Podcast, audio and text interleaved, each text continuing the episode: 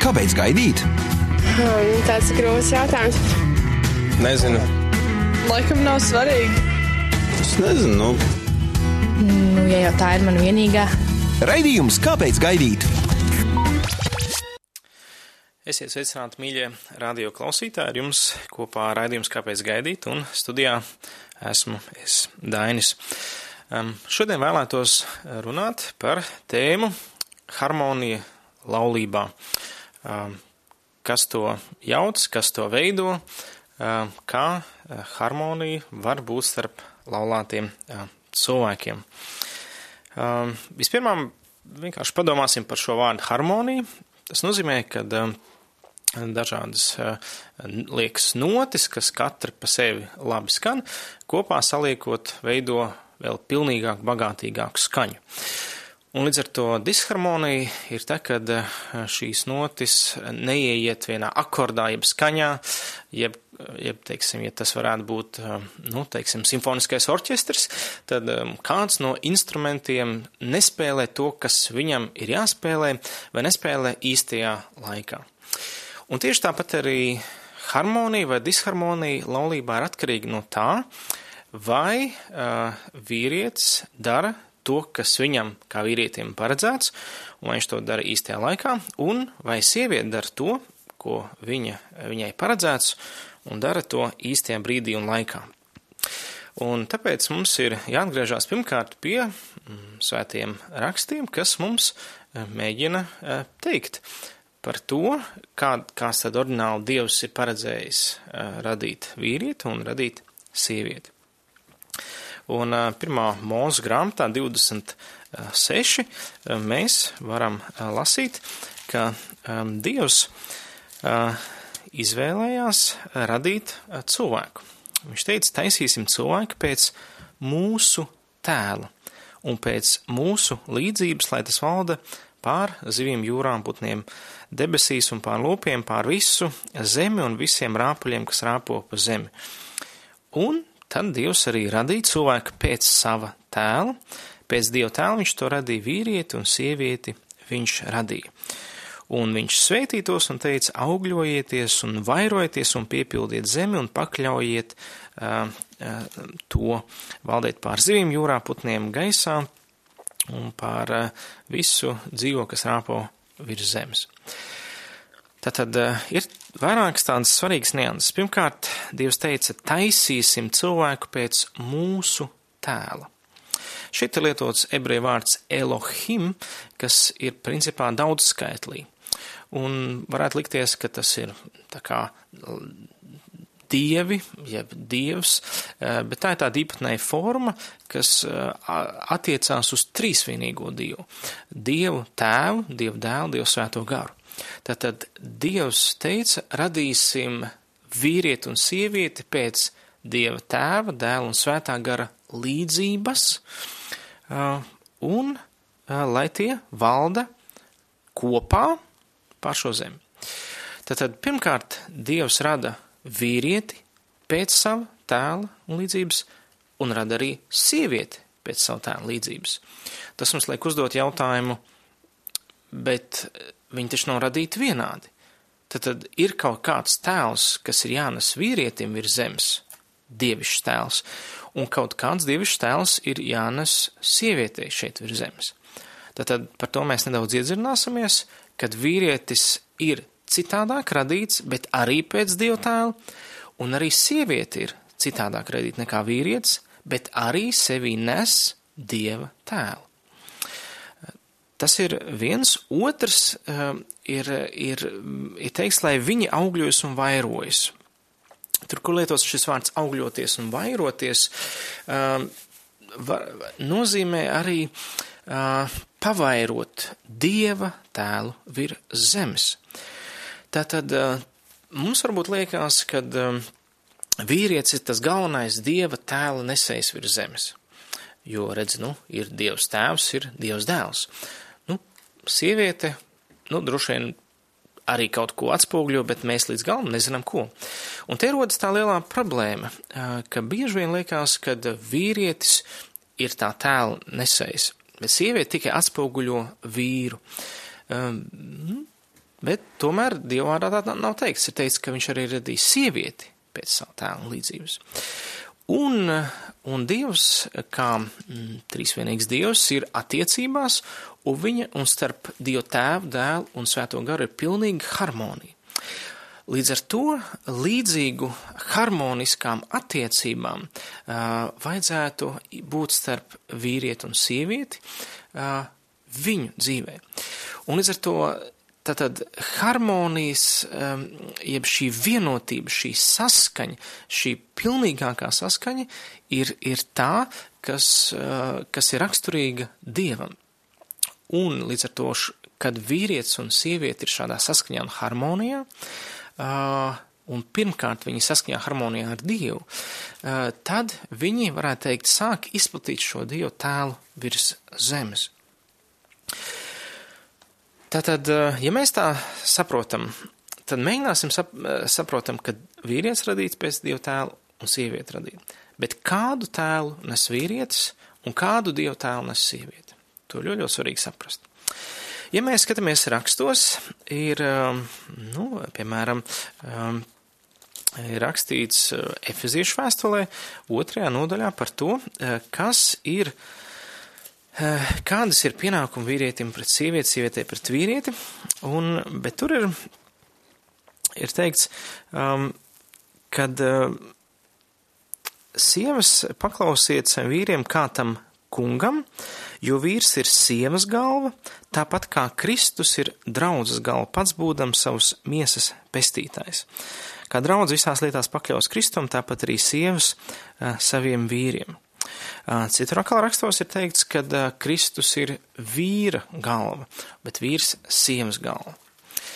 Šeit, protams, nenozīmē to, ka viens ir vīrietis vērtīgāks par sievieti, jo abi ir radīti vienlīdz vērtībā, bet viņiem ir atšķirīgi uzdevumi.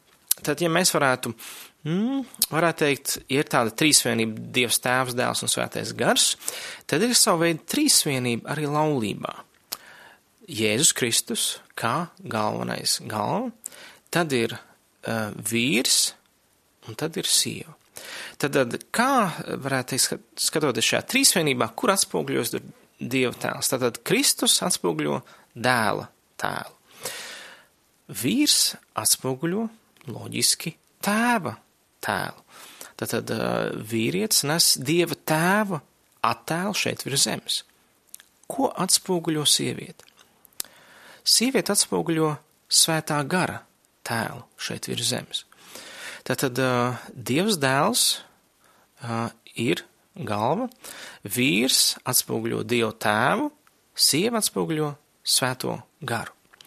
Un līdz ar to te mēs, ja šo atziņu mēs saprotam, mēs varam vairāk saprast, kas tad ir vīrišķā loma šeit virs zemes, jeb vīriešu loma, un kas ir sievišķā loma, jeb sievietes loma. Mēs arī zinām, ka ebreju valodā vārds gars ir sieviešu dzimtē.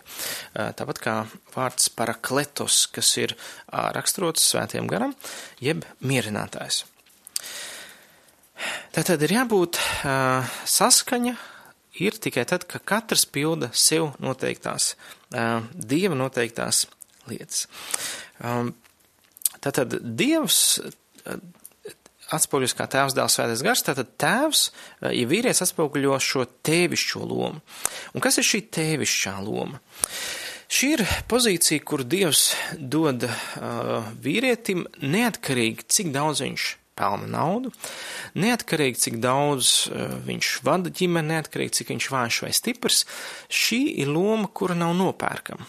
Piemēram, ja sieviete arī pelna vairāk naudu, viņa ar šo pelnīšanu tik un tā nevar nopelnīt šo tēva lomu ģimenē. Tā vienmēr ir un būs vīriešu loma. Līdz ar to varētu teikt, šī loma nepārdodās. Bet kas tad ir raksturīgs šai tēva lomai? Tad tēva loma ir autoritātes loma. Tā ir valdīšanas, varas loma. Varētu teikt, tā ir mm, spēka loma. Teiksim, vīrietī šī spēka loma nozīmē, ka, ka viņš var radīt ietekmi, ka viņš rada spēcīgu ietekmi gan uz sievu, gan uz saviem bērniem. Un, un mēs varētu teikt, ka kas tad ir radīts vīrietī pēc Dieva tēva līdzīgs? Vai tikai ķermenis, vai tikai dvēseli, vai arī gars? Viennozīmīgi gan ķermenis, gan dvēseli, gan gars. Un mēs varētu pat teikt, ka Dievs ir radījis vīrišķo garu un sievišķo garu atšķirīgus. Tātad vīrieša, nu, garīgam iekšējam cilvēkiem kaut kas cits raksturīgs kā sievietes iekšējam garīgam cilvēkam. Piemēram, 1. pētera vēstulē ir arī runāts par sievietes iekšējo cilvēku un, un kādā stāvoklī eh, tas ir Dievam patīkams. Um, tur arī varētu teikt tāda pamācība no apslī Pētera par šo vienotību um, un savām lomām, kas jāpild vīrietim un sievietei. Tātad uh, pirmā Pētera vēstulē trešajā nodaļā. Tāpat arī jūs, sievas, pakļaujieties saviem vīriem, tāpēc, ka viņi ir autoritātes dievilikts, lai arī, ja kāda netic vārdam, tie bez runām tiek pārliecināti savas sievas dzīvesveida dēļ, kad viņa redzēs jūsu šķīsto dzīvošanu bībā. Tad, tad nu, tā kā vārds saka, kad, kad vīrieti nevajadzētu sievietei mācīt. Daudz, kur tas ir teikts. Mācīt, un, teiksim, tā varētu teikt, kritizēt, nopelt. Un, un Bībele saka, ka uh, mūsu gars var būt satriekts, mūsu gars var būt nospiests, mūsu gars var būt salauzts. Ja Bībele saka, ka salauzt garu Dievs nenoraidīs. Tad kas salauž vīrišķo garu? Vīrišķo garu vai vīriešu sirdi uh, salauž uh, kritika, neveselīga kritika un izstāšanās, īpaši kritika par to, ko viņš dara.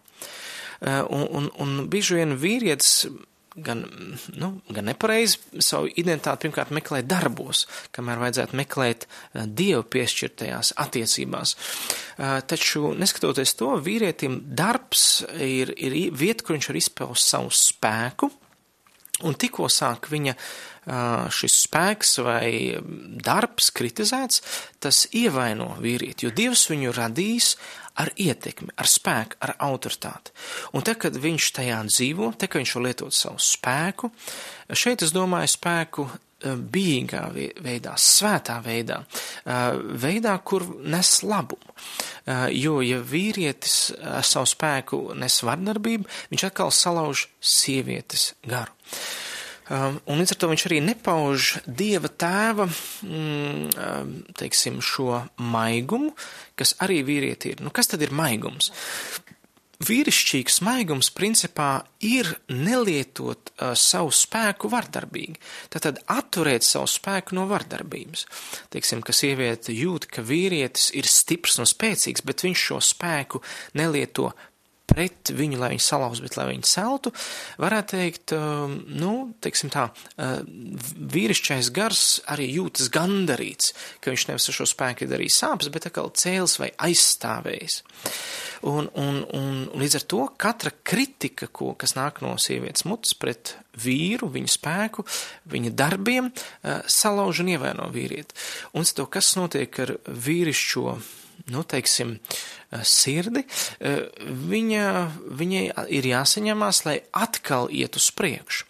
Līdz ar to sievietei, mm, ja vīrietim, teiksim, ir raksturīgs spēks, tad sievietei ir raksturīga dzīvība. Un nedaudz par to mēs nedaudz atgriezīsimies vēlāk, kur runāsim vairāk par šo sievišķo daļu, jeb tā dievišķo tēlu, ko viņi nes. Bet vīrieti ir šis spēks.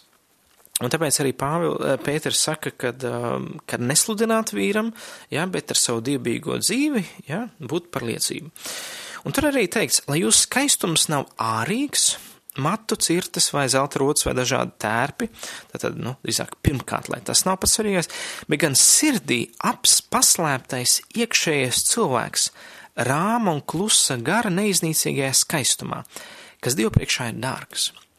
Tātad Dievs ir radījis sievišķo garu, klusu, rāmu, varētu teikt, skaistu, ja, tāds iekšēji apslēptu, kaut kādu tādu, kur vajag atklāt, kuru, kuru gribās atklāt. Un, un tas nozīmē, ka sievietei patīk, ka viņu atklāja. Ja tas parāda mm, kaut kādā viņas šo tēlu, kas ir šis svētā gara tēls. Arī svētais gars ir tāds, kuru ir jāatklāj, kuru jāmeklē, kurš pats labprāt atklājās. Ja? Um, Un, un tad ir interesanti arī teikt, tāpat arī jūs, vīri, lai jūsu lūgšanām nekas nestāvētu ceļā. Dzīvojiet kopā ar savām sievām, apzinoties, ka viņas ir vājākas, un tāpat kā jūs arī žēlastībā iemantojuši ticību. Tad Dievvvārds saka, ka Dievs ir radījis sievieti vājāku. Tātad, ja mēs skatāmies Dievs tēvs un svētais gars, tad tēvs ir autoritāte, radītājs, no kura veidojis, kurš ir iniciators, tas svētā gara loma svētajos rakstos ir tāds, kur viņš salīdzināts ar balodi, kur teikts neapslāpējiet, neapbēdiniet svēto garu, ja, negrēkojiet pret svēto garu. Mm, te parādās šī dieva mm, tāda maigā um, šķautne, maigā daba. Tātad eh, tēvišķo dabu Dievs ir ielicis vīrietī, bet šo varētu teikt sievišķo dabas, nebaidīšos šī vārda, jeb maigo dabu, šo kluso dabu viņš ielicis um, sievietē, tātad uh, caur svēto garu. Tātad, uh, un te mēs vairāk, vairāk sākam izkristalizēt, kas tad ir vīriešu loma un kas ir šīs sievietes loma. Un tikai tā, ka viņi sāks dzīvot saskaņā ar to, kā Dievs viņus ir radījis, ja paredzējis, kāda viņiem jābūt, sāk, mēs varam sākt runāt par harmoniju laulībā. Ja, Dievvvārds saka, tad esiet, beidzot esiet visi vienprātīgi, esiet uh, vienā, vienā prātā. Un ar to vienprātību sākās tad, kad es apzinos, kam es esmu radīts un kas un man ir jādara. Tātad, kas ir raksturīgs vīrišķīgam garam, varētu teikt, ja vīrieša garam? Un, un viennozīmīgi šīs lietas mūsdien, mūsdienu sabiedrībā, tāpēc, ka šīs lomas netiek izdzīvotas, mēs, mēs sākam, mēs dzīvojam tādā, ko sauc par vien, vienzimumu, uniseks sabiedrību, kurā, nu, sāk grūtāk jau sāk atšķirt, kas ir sievietes loma, vīriešu loma, sāk juktas, un tad vēl tiek piedāvāti vēl dažādi alternatīvu piedāvājumu šiem abiem dzimumiem, kas, protams, svētie raksti neatbalsta. Tad vīrišķam garam ir raksturīga kompetence, tas, ka viņš zina lietas, spēks, efektivitāte, tad, tad vīrišķais gars meklē efektivitāti, jēgu, rezultātus, mērķi, sasniegumi, varētu teikt, spējas, tad vīrietim gribas uz, uz savu spējas uzlabot, gribas sasniegt kādas spējas, gribas tiekties, pierādīt sevi, demonstrēt sevi, parādīt, uz ko viņš ir spējīgs. Varētu teikt, dažādas arī uz tehnoloģiju, uz rezultātiem, uz mehāniku, uz mērķu orientēta daba viņam ir, uz veiksmi, uz sancensību. Ja? Tas viss, um, varētu teikt, atspoguļo un atspoguļos arī vīrišķajā ķermenī, kur, ko atbalsta gan testosterons, gan citi horm vīrišķie hormoni. Tātad tas ir vīrišķiem garam, ja vīrišķiem tēlam raksturīgs.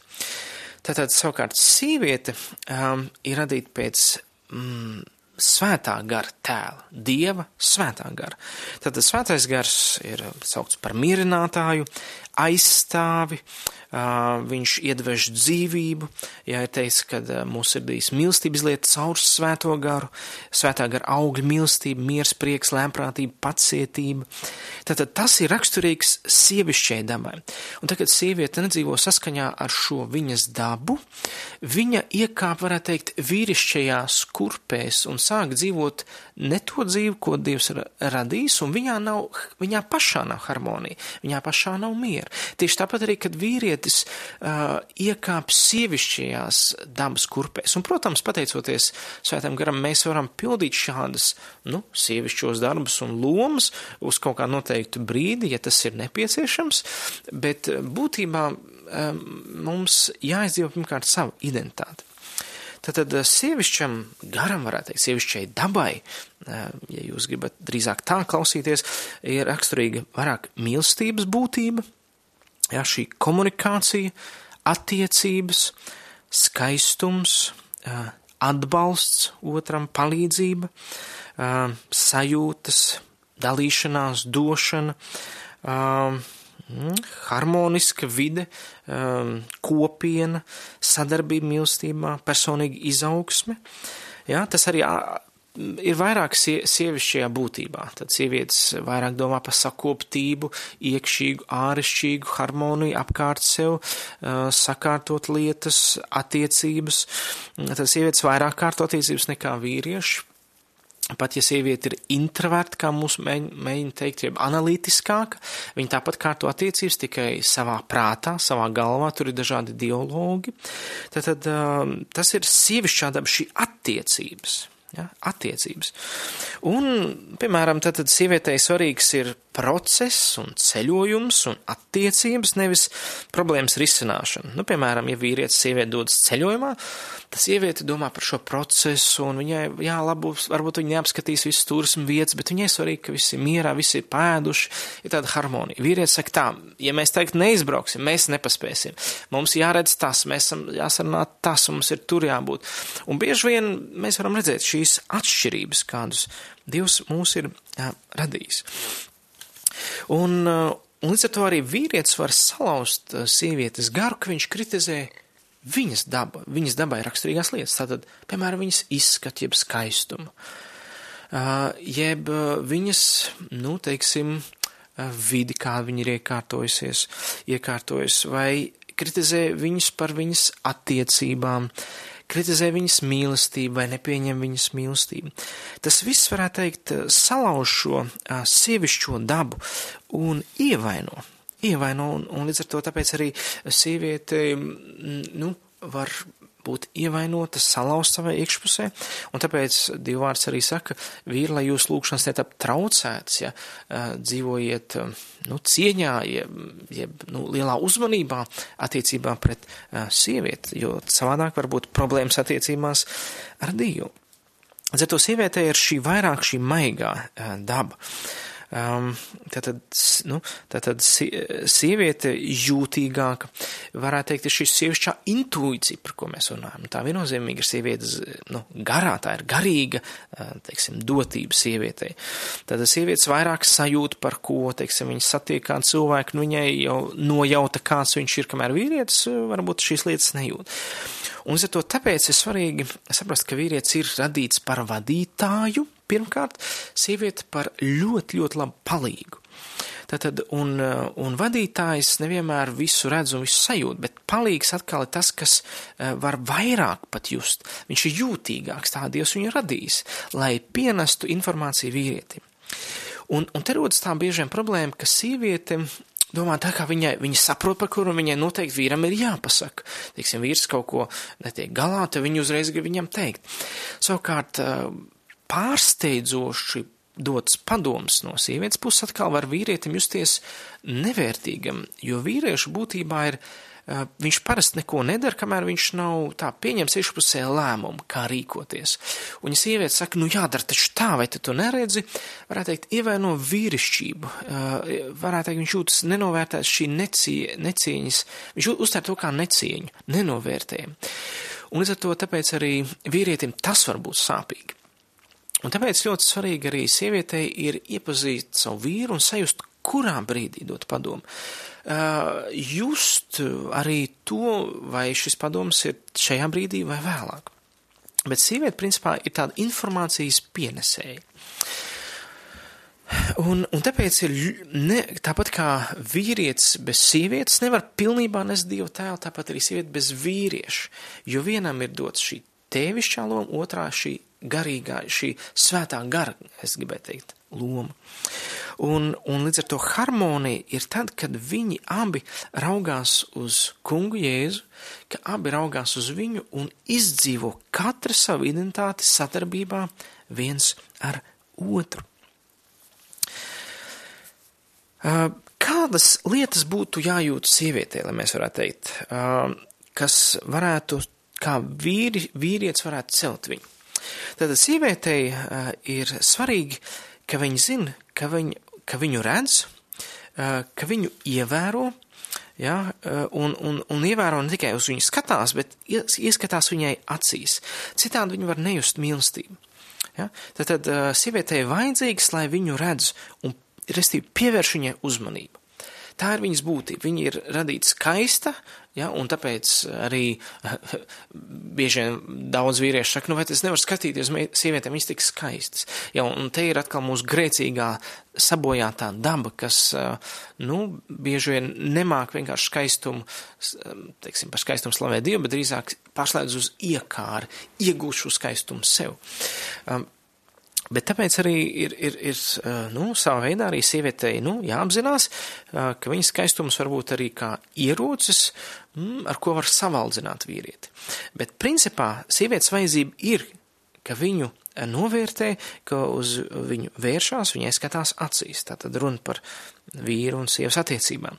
Otrā lieta, kas nepieciešams sievietei, viņai nepieciešams just. Um, jeb ka viņa zina, eh, ka mēs viņu pazīstam un gribam iepazīt. Eh, ka viņa, ka viņa, viņai vajadzīgs, ka viņu saprot, ka viņu izprot, viņai ir vēlme, ka viņa tiek iepazīta. Ar to, tā, kad vīrietis vairs neizrāda interesi par sievu, tā, kad vīrietis vīrs neprasīja, vai kā tev iet, ko tu jūties, ko tu par to domā, vīrie, sieviete var justies nemīlēta un, varētu teikt, ievainota. Tāpēc ir vīrietim ir jāinteresējas par sievieti, ja viņš grib, lai viņa jūtas mīlēta. Trešā lieta, kas ir svarīgi, lai sieviete justos kā sieviete, ka varētu teikt, ka cenšas, varētu teikt, dzīties viņai pakaļ, ja joprojām cenšas viņu iekrot, ka joprojām ir interese par viņu kā, kā sievieti. Un, un tas tā ir arī vaj, vajadzība sievietei. Savukārt vīrietim ir svarīgi, mm, kad grib, uh, grib viņa spēku, šo vīrišķo dabu, un, un kad ļauj šo spēku uh, izpaust attiecībās sievieti. Tātad piedzīvot, teiksim, ka sieviete uh, ļaujas būt vāja un cer uz vīriešu spēku. Un tā kā vīrietis to redz un savu spēku var izmantot, lai palīdzētu sievietei, vīrietis sajūtas kā vīrietis. Ja? Viņam ir vajadzīgs arī novērtējums par viņa spēku pielietojumu. Respektīvi, ja viņš kaut kur bijis darbā, ir ļoti svarīgi, ka nu, viņam par to pateicās, ka viņam pasak, pasakās par, par to, ko viņš ir, ir darījis. Tad, tad nevis kritizēt, ja, bet pateikties, novērtēt. Tas vīrietim palīdz justies par vīrieti. Un otrā lieta, kas vīrietim svarīga, ka viņam tic tic pat, ja viņš kļūdās. Tātad, piemēram, nu, teiksim, ja vīrietis uzaug ģimenē, kur ir mamma, kas laiki kritizējoši, kas visu laiku ir nopeļ eh, viņa sasniegums vai uzdevums, tad eh, kas notiek? Eh, šī vīrišķā daba tiek bojāta, salauzta, un, un ar to viņš var kļūt sievišķīgs, jo viņa vīrišķās cientieni netiek, nav bijuši atbalstīti. Un ar to sieviete uh, ir radīta kā uh, dzīvības nesēja, uh, kā tā, kas nes dzīvību, ne tikai radot bērnus, bet ar saviem vārdiem. Un, uh, un tieši uh, tāpēc ir svarīgi arī apzināties sievietēm, ka viņas vārdiem ir ļoti milzīgs spēks. Um, Tad, kad Dievs radīja sievieti, viņš viņā iedves šo spēju nest ne tikai fizisku, bet arī garīgu dzīvību. Varētu teikt, ka Dievā ir šī arī dzīvības došanas un glābšanas loma. Mēs varam lasīt ebreju valodā, kur Dievs sevi ir aprakstījis, nu, varētu, noraksturojis ar, ar ezer kenegdo, kas uh, izpaužās 23 reizes vecajā derībā, un īpaši tajos brīžos, kad, kad viņu piesauc, un teiks, ka viņi man piesauks, es viņiem nākšu kā ezer knegdo un glābšu. Uh, un šis pats vārds uh, vienā reizē attiecināms arī uz sievieti. Tātad tā, kas nāk, dod dzīvību un glāb dzīvību. Un līdz ar to sievietes vārdi, ja viņas būtība ir vārdiem iedvest dzīvību, iedrošināt. Tātad svētais gars ir iedrošinātājs, mierinātājs. Tātad šī sievietes loma ir dzīvības vārdu nesēji, dzīv, garīgas dzīves nesēji. Nu, ja mēs tā varam pastīties, teiksim, uz ģimeni vai uz draudzi, tad tur, kur valda tikai vīrišķā daba, tur bieži vien ir racionālisms, mērķi, uzdevumi, sasniegumi, bet tur bieži vien ir hauss, nekārtība, nav pamanīti sīkumi, tur trūks dievišķās dabas klātbūtnes, varētu teikt tā. Uh, tur, kur ir uh, atkal sievišķās dabas lielāka klātbūtne un, un vairāk mīšķās, tad tur ir emocionalitāte, tur ir jūtīgums, tur ir sarunas, tur ir attiecības, bet tur var nebūt izdarīt uzdevumu, tur var nebūt mērķi, tur var nebūt jauns pienesums, um, varbūt tāds cikliskums, bet um, nav tāda mm, gudrība, kas uh, ved uz priekšu, nav sasnieguma, nav efektivitātes lietām. Un līdz ar to tie, kas kritizē sieviešu lomu draudzē vai ģimenē, vai tie, kas kritizē vīriešu lomu draudzē ģimenē, abi smagi kļūdās. Jo vieni noliedz dievišķās, sievišķās dabas izpausmi draudzē vai ģimenē, un otri noliedz vīrišķās. Un bieži vien eh, tas meklējums ir nevis tik ļoti, mm, nu, teiksim, tādā eh, atziņā vai kuram ir taisnība, drīzāk varbūt pat kaut kur vilšanās otrā dzimumā, bieži vien neapzinoties, kas ir tā otra dzimuma loma, kādu dievs viņu ielicis, un, un tāpēc ļoti svarīgi respektēt un cienīt. Tātad sieviete nes šo maigo lomu, dzīvības devējas lomu, iedrošinātāju, atbalstu, palīgu. Tad vīrietim ir šis dievišķais, tēvišķais, kas varētu teikt arī mm, vēl sadalās tādos trijos kā pravietiskais, kā priestriskais un kā, um, nu, teiksim tā, kunga, jeb, um, nu, teiksim tāda ķēniņa loma. Tad pravietiskais nozīmē, ka vīrietim ir jāsaņem no dieva vadība. Jāsaņem virziens. Tātad, varētu teikt, Dieva vārds priekš ģimenes, Dieva vārds priekš draudzes, Dieva vārds, kas ir, varētu teikt, tā saka tas kungs. Tāpat arī tēva tēvišķā loma ir šis priesteriskā loma, kad vīrietis, ja tēvs ies, iestājas par savu sievu, iestājas par saviem bērniem, Dievu priekšā. Viņš varētu teikt kā starpnieks starp savu ģimeni un Dievu. Ehm, līdzīgi kā Ābrahams nāca eh, Dievu priekšā saviem pēcnācējiem, eh, vai, vai Jēkabs, eh, vai Īzaks, ja, tad, tad vīrietis iestājas, iestājas Dievu priekšā ar lūkšanām, ar garīgo cīņu, un varētu teikt arī aizstāv. Pieņemsim, ja bērni grēko vai ģimene vai sieva grēko, tad vīrs arī nes šos grēkus tēva, Dieva tēva priekšā un izsūdz to, lūdz par tiem, lūdz žēlastību. Hm? Tas ir ļoti, ļoti svarīgi. Un tāpat arī vīrietis nes šo ķēnišķo lomu, tātad autoritāte vadīt, noteikti kā lietas būs. Pārstāvēt, varētu teikt, ģimeni ir ārpus, ārpusē, pie citām ģimenēm, pie kaimiņiem, pie, mm, nu, varētu teikt, ciemā, tautā, pilsētā. Ja? Tātad vīrietis nes šo ķēnišķo lomu.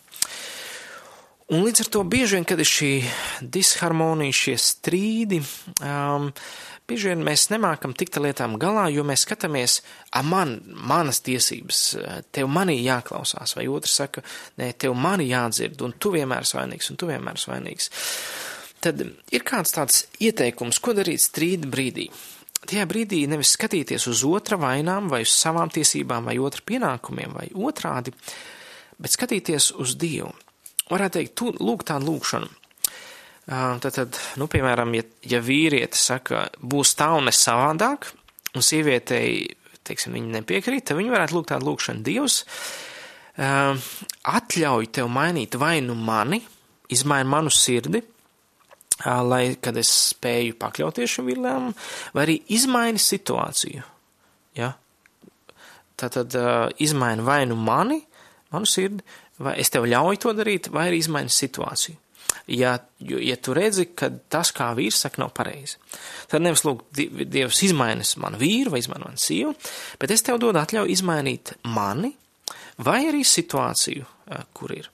Un tad uh, bieži vien tas ir um, tas, uh, kas var palīdzēt, teiksim, konfliktā sievietei pakļauties vīrietim, savukārt vīrietim, redzot, ka situācija mainījusies, ieraudzot, ka sieviete, sievai ir loma, atzīt, ka, nu, ka nevienmēr viņam ir taisnība. Un tas, tas ir ļoti, var palīdzēt risināt kādus konfliktus. Un bieži vien problēma arī rodas tajā, kad sieviete nevis pirmkārt meklē palīdzību pie Dieva, vai vīrietis meklē palīdzību pie Dieva, bet meklē un gaida no otrā. Un, un šajā gadījumā var, kas notiek, to varētu nosaukt par elgdievību. Elgdievību.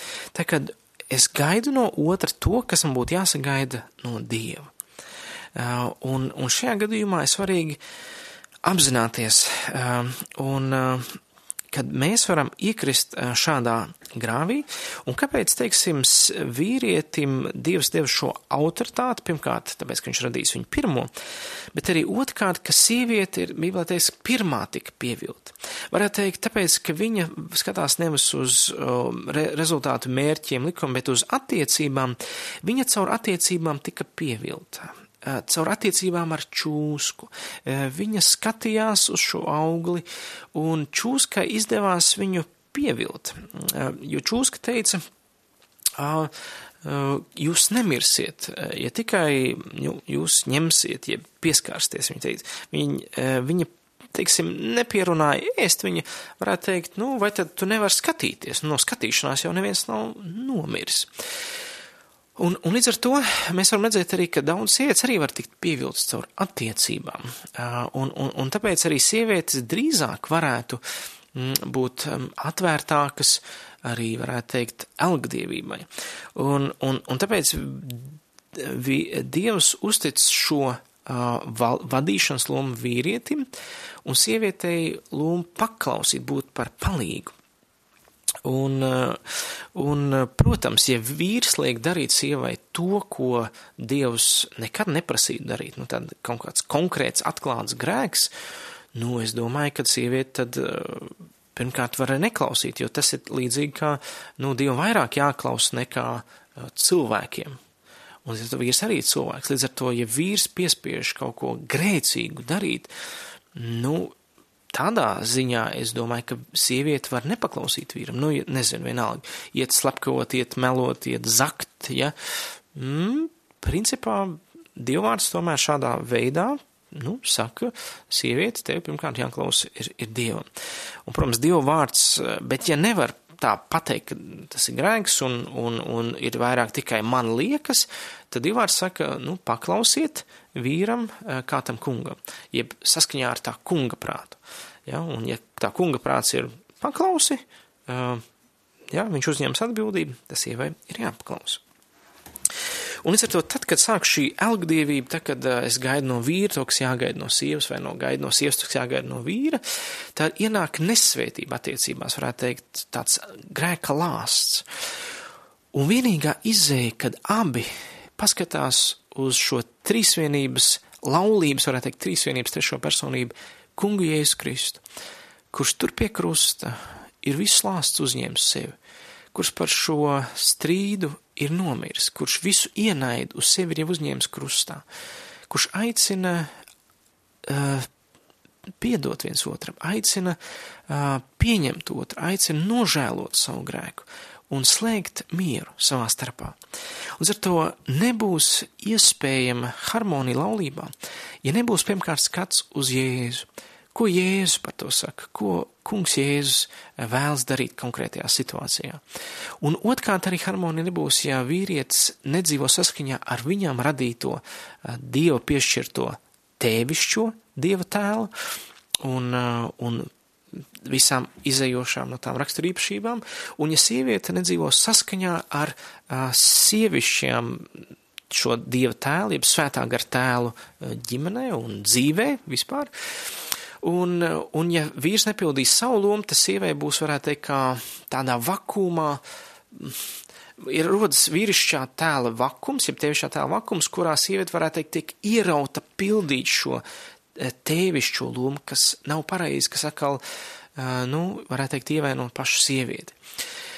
Un tāpēc ir ļoti, ļoti svarīgi vīrietim pildīt, nevis zināt tikai, bet pildīt savu lomu, un sievietē pildīt savu lomu.